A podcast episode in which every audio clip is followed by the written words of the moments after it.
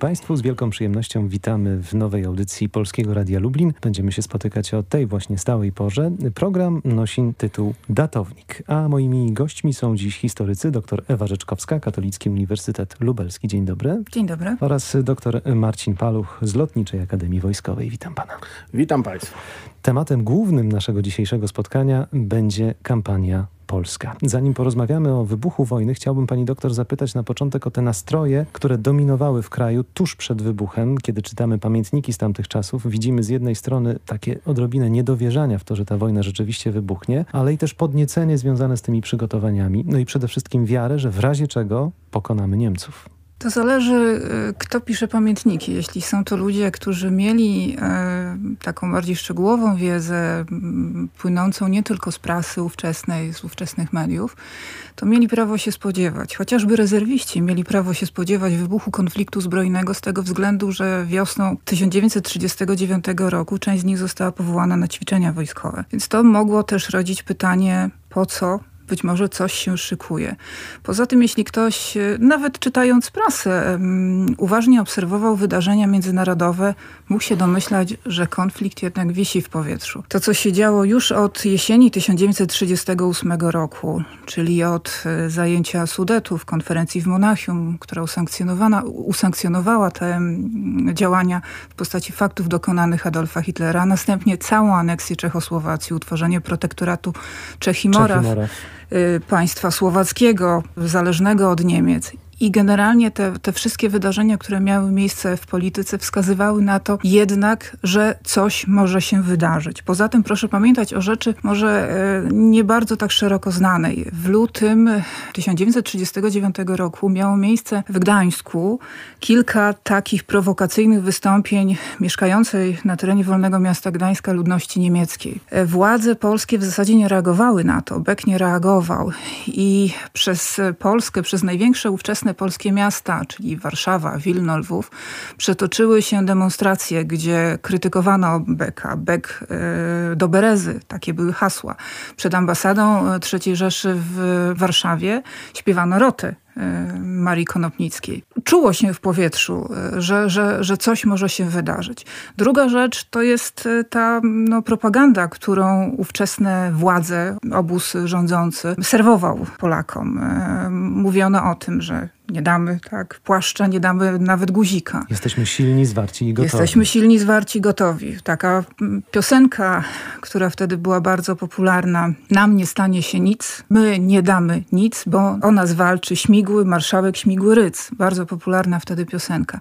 Więc taka, ta, ta działalność propagandowa władz przekonywała społeczeństwo, że mamy silne wojsko, jesteśmy zjednoczeni i że jesteśmy w stanie oprzeć się e, ewentualnej napaści w piątek, bo w piątek wybuchła wojna. 1 września rano Niemcy atakują bez wypowiedzenia oficjalnego wojny. Nic y, też nie zapowiadało, że dokładnie tego dnia to się wydarzy, bo pierwotny plan Hitlera to była chyba sobota, prawda? Wcześniej, 26 bodajże Tak, e, tak. E, pierwotny plan e, wskazywał na datę wybuchu wojny na 26 sierpnia.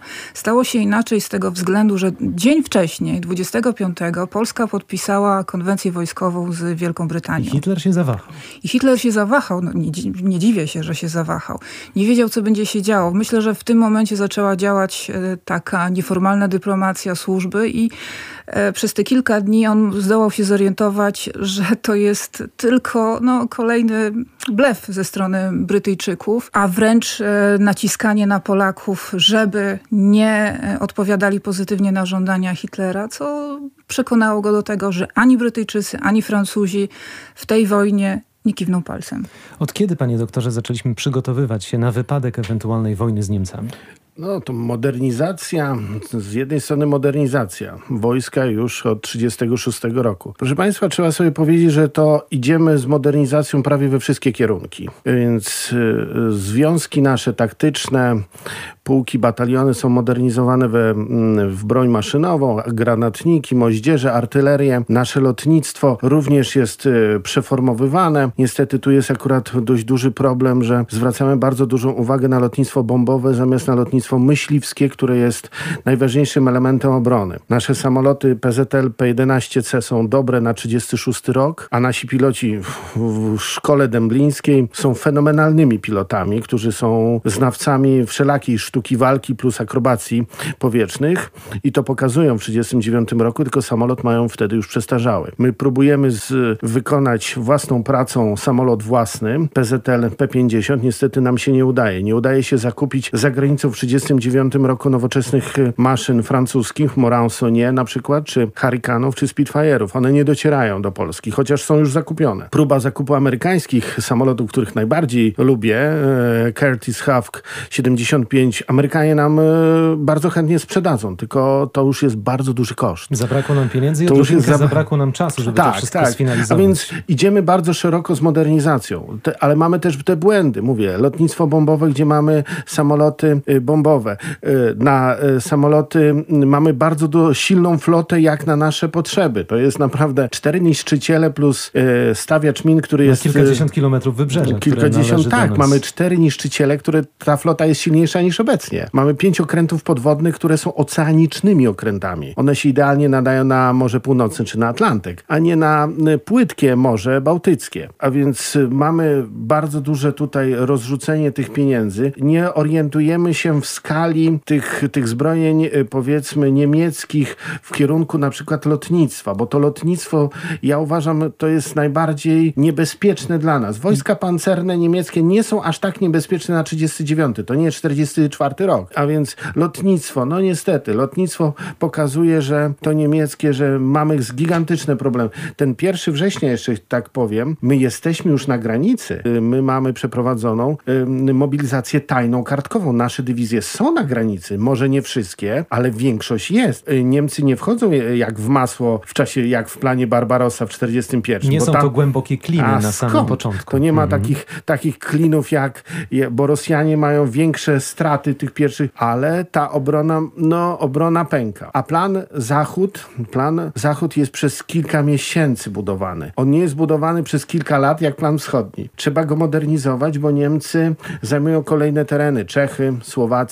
I cały czas przesuwają granice no, dosłownie. Tak jest. A więc przenośnie. jesteśmy praktycznie os oskrzydleni. A plan ten jest no, jak gdyby początkiem, początkowy. Mam początki swojej organizacji. No, w tej pierwszej linii jest, tej, tej wojny granicznej. A już później to jest już w ogólnych zarysach. To skoro już wspomnieliśmy o lotnictwie, powiedzmy też o tej psychologicznej roli bombardowań. Już od pierwszych godzin y, II wojny, no, jak się potem miało okazać światowej, bombardowań niemieckich, które są niezwykle brutalne, obejmują także cele cywilne. Chodziło oczywiście o to, aby jak najbardziej psychologicznie nas zastraszyć. Oczywiście. To proszę Państwa, e, przed wojną wydają książki i Stefan Mosor i Władysław Sikorski y, wydają książki i mówią o Guernice, słynnej Guernice, bombardowanie Guerniki. Lotnictwo y, w wojnie hiszpańskiej już pokazuje swoją siłę. Zależy kto atakuje, bo i atakują Włosi i atakują Niemcy. No ale jest też Legion Condor. Legion Condor, a więc lecą, lecą tam lepsze samoloty typu Heinkel 111. To widać wyraźnie na czasami na zdjęciach, gdzie mają znaki hiszpańskie. Te uderzenia bombowe, te, te uderzenie w pierwszych dniach września, y, bombardowanie po kolei naszych miast, które nie, nie mają żadnych elementów wojskowych. Potem natomiast jest ta, ta psychoza ataku na wycofującą się i wojsko, ale wycofującą się ludność, y, ludność cywilną, gdzie Niemcy sami opisują, że tak pierwszego dnia to mieli jeszcze jakieś skrupuły, a po trzech dniach to już im było wszystko jedno. Czyli na przykład strzelanie do kolumn tak, to, cywilnych. to po prostu kolumny były atakowane. Ta, ta, ta siła około 2,5 tysiąca samolotów niemieckich, y, które mają pełne zasoby paliwa i bomb y, i środków tutaj walki takiej bezpośredniej, powoduje, że, y, że jest taka psychoza, że każdy samolot w powietrzu to jest samolot niemiecki. Stąd często nasza obrona przeciwlotnicza, jeżeli jest, strzela do wszystkiego. Strzelaliśmy troszkę na oślep I niestety. strzelaliśmy no niestety i na oślep i celnie i niestety do własnych. I jedna trzecia samolotów własnych jest zestrzelona przez y, własną obronę przeciwlotniczą. Jest naprawdę psychoza tych nalotów. Warszawa przecież ma 25 września, ma taki, taki czarny czwartek. Kulminacyjny, tak, to czwartek, jest taki niestety gdzie i bombardowanie idzie, i idzie ostrzał artyleryjski. Jeżeli nasza obrona, na przykład przeciwlotnicza, stara się jeszcze przegonić samoloty niemieckie, to na te miejsca, na te punkty bije artyleria, naziemna. e, naziemna, bo artyleria niemiecka ta dalekosiężna, więc Polacy się jak mogą bronią, bo ciekawa rzecz, że z lotniska Mokotowskiego do ostatnich dni obrony y, lata samolot, stara się walczyć. Latają nasi y, piloci z lotniska w Mokotowie. Więc takie są takie epizody, ale no to tym nie możemy przełamać. 400 samolotów polskich kontra 2,5 to jest gigantyczna różnica. To tego nie zdawaliśmy sobie sprawę z tego lotnictwa niemieckiego, z tej siły. Od początku też zaczęliśmy niestety zdawać sobie sprawę, pani doktor, z tego, po co Niemcy wywołują tę wojnę. To nie była tylko wojna, aby zająć jakieś terytorium, to była po prostu wojna z zamierzeniem eksterminacji. To pokazały już pierwsze dni kampanii wrześniowej, na przykład to, co się działo w Bydgoszczy, czy zbrodnia w Ciepielowie i tak moglibyśmy długo, długo jeszcze wymieniać. E, 22 sierpnia 1939 roku e, Adolf Hitler odbył spotkanie z wyższymi dowódcami Wehrmachtu. I tam wyjaśnił wprost, co należy robić, czyli należy bez litości e, zabijać i ludność cywilną, i oczywiście, i oczywiście walczyć z wojskiem. Bez żadnej litości. I to zarówno Wehrmacht, jak i posuwające się za Wehrmachtem, chociażby Einsatzgruppen, to czyniły. Wspomnieliśmy o, o polskiej Guernicy, czyli o Wieluniu. Nie padło to, No, ale, tak. ale Wieluń... em, trochę się teraz zweryfikowały informacje na ten temat. Nie uznaje się jako takie pierwsze miejsce, które bombardowano w momencie wybuchu 1 września, wybuchu wojny. Prawdopodobnie około godziny po Westerplatte dopiero pierwsze samoloty dotarły niemieckie do Wielunia, ale Wieluń jest pokazywany właśnie jako ta polska Guernica, gdzie samoloty niemieckie po pierwsze zbombardowały szpital.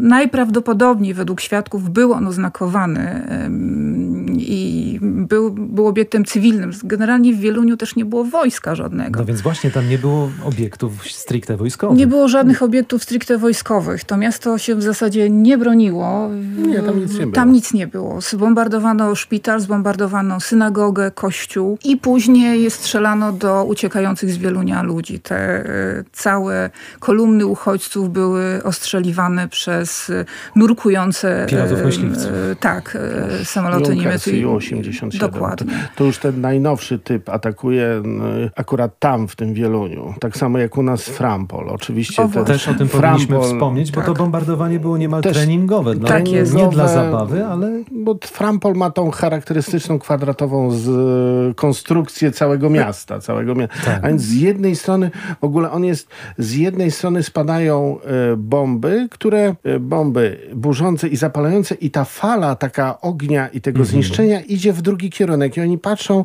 jak na Jak tej zabudowie, jak na tej zabudowie działa w ogóle ich ta machina zniszczenia. No, tych uderzeń, bo ja jeszcze mam takie relacje, jak polskie wojsko potrafi na przykład atakować na przykład w działaniach nocnych, szczególnie kawaleria. Oni się naprawdę boją kawalerii Niemiec, Niemcy. Boją się, boją. Polacy potrafią doskonale przeprowadzać różnego rodzaju zagony, ataki nocne. Polskie kawaleria niszczy na przykład e, zasoby tu materiałowe, zasoby pancerne, na przykład Kamińsk jest takie uderzenie. Ale następnego dnia wchodzą oddziały SS i jest zemsta. I jest zemsta i zaczyna się mordowanie. Taka stara pozycja chyba Szymona Datnera. To jest taki stary polski historyk, który wiele lat opisywał te zbrodnie Wehrmachtu, te 55 dni zbrodni Wehrmachtu tutaj na ziemiach polskich. I on opisuje naprawdę dokładnie, co, jakie miasto mm, było niszczone. W ogóle wejście tych wojsk jest też poprzedzane takim zniszczeniem, paleniem tych wiosek. To tak pokazuje, a tu się pali, to jest, tu jest Wehrmacht.